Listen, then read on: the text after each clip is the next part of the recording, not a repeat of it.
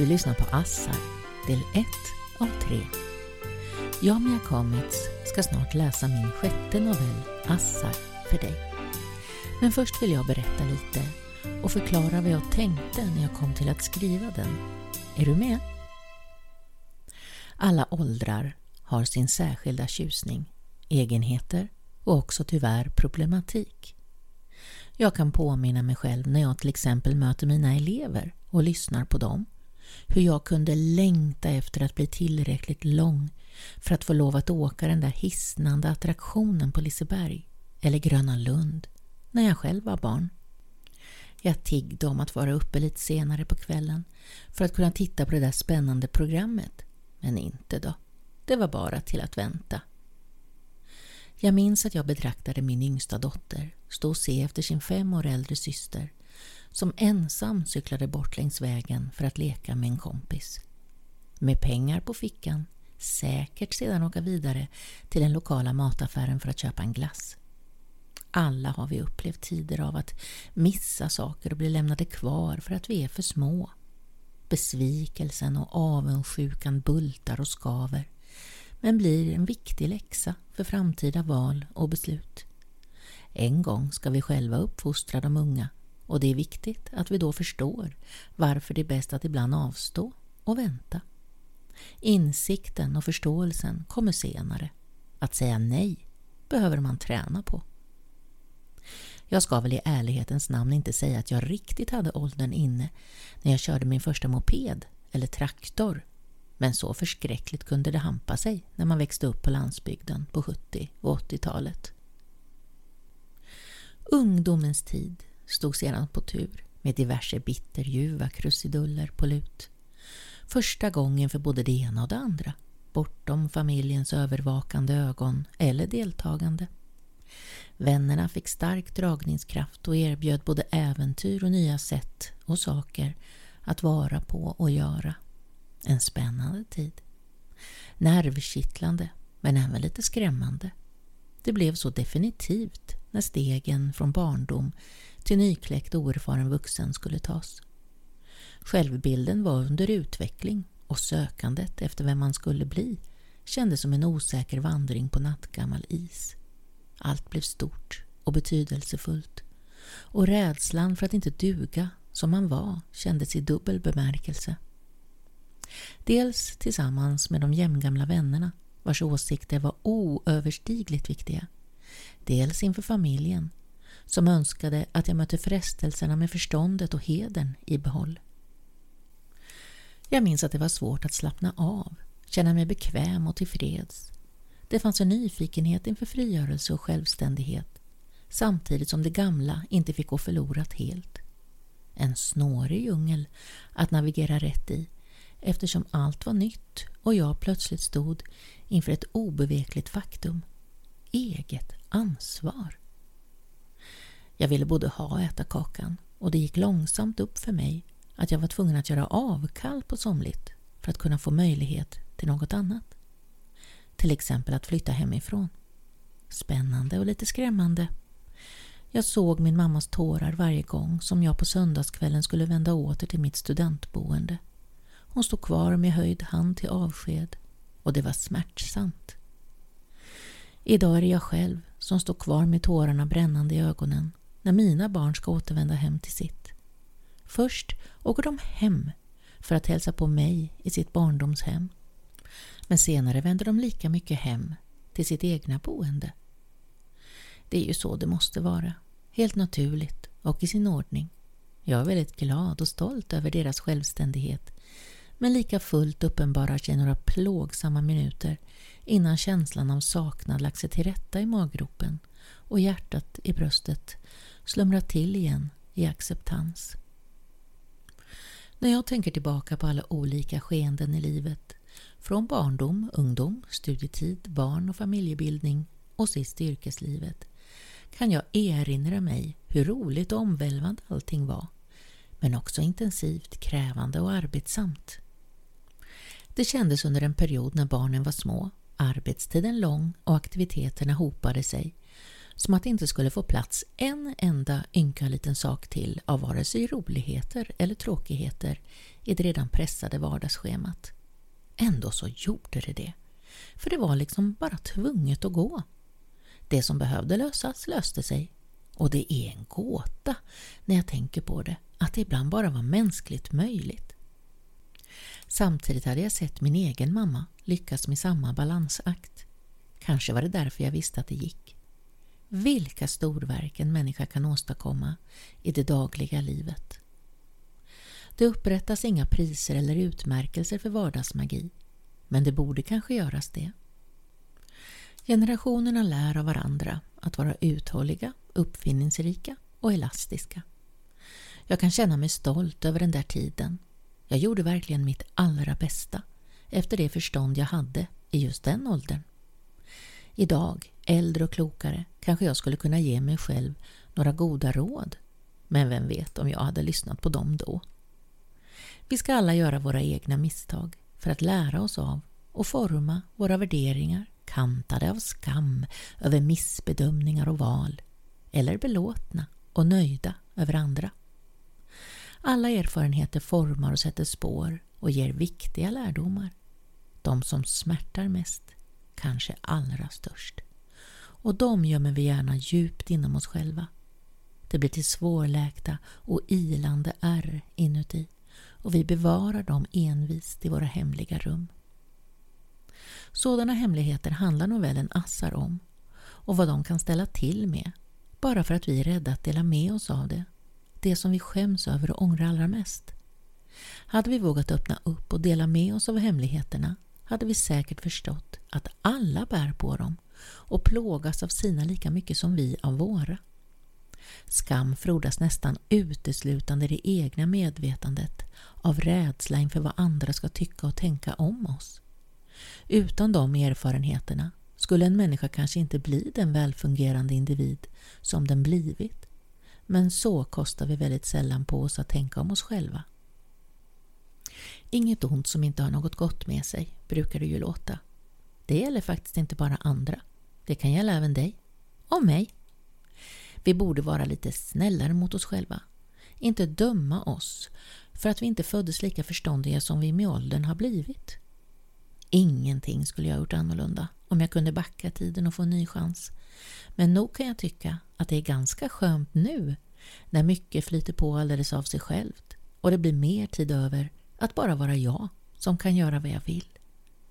Jag tycker att det är väldigt rofyllt att vara på andra hälften av livet.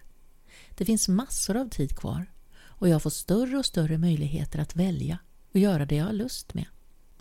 Som att skapa musik till exempel vi pausar kort här och drömmer oss bort en stund och lyssnar till stycket som jag har tillägnat Assar.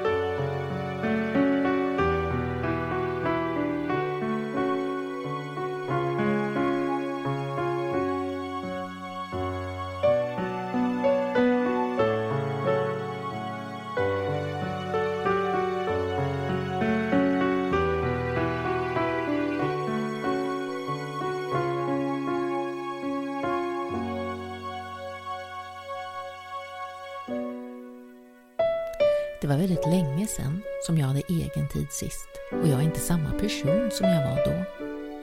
Erfarenheter och tid har fått mig att mogna och bli klokare. En sak som jag ändå kan erinra mig från alla mina åldrar är längtan efter ensamheten. Att bara vandra rakt ut i naturen och plocka buketter av årstidernas mångfald.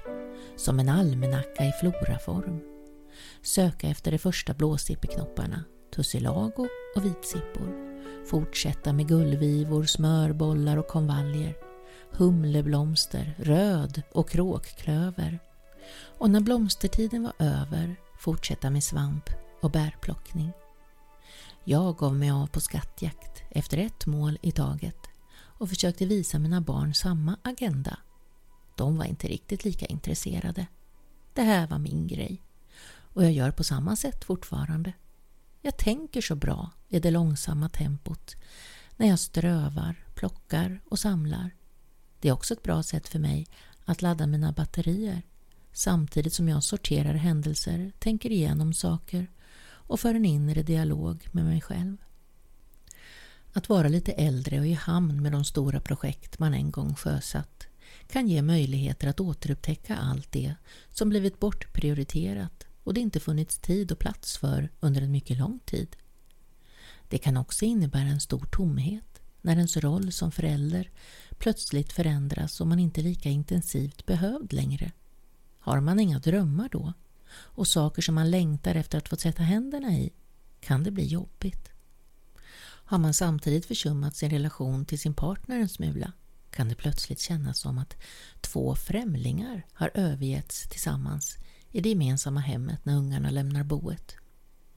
Lite så är det i novellen Assar som handlar om ett medelålders par som lever lite på tomgång, om än väldigt tryggt och bekvämt. Den ena dagen är den andra lik och inga överraskningar eller utsvävningar är att vänta. Det är den förrädiska tryggheten hemligheter ruvar. De hade kanske inte varit riktigt uppmärksamma på varandras mognad och inre utveckling och inte heller underhållit ett pågående samtal om stort och smått och förtroligt. Då kan de egna funderingarna lätt bli till riktiga hjärnspöken som skenar i en alldeles egen riktning bort från allt man trodde att man var så säker på. Att ta företeelser och människor för givet, det är dumt. En nära relation behöver vård och omsorg och kräver närvaro, genuint intresse och arbete. När berättelsen börjar är det vår och den sista snön är på väg bort. Det är något visst att höra det porlande smältvattnet och man riktigt känner hur isande kallt det är i skuggan och samtidigt varmt på läsidan i solen. Hör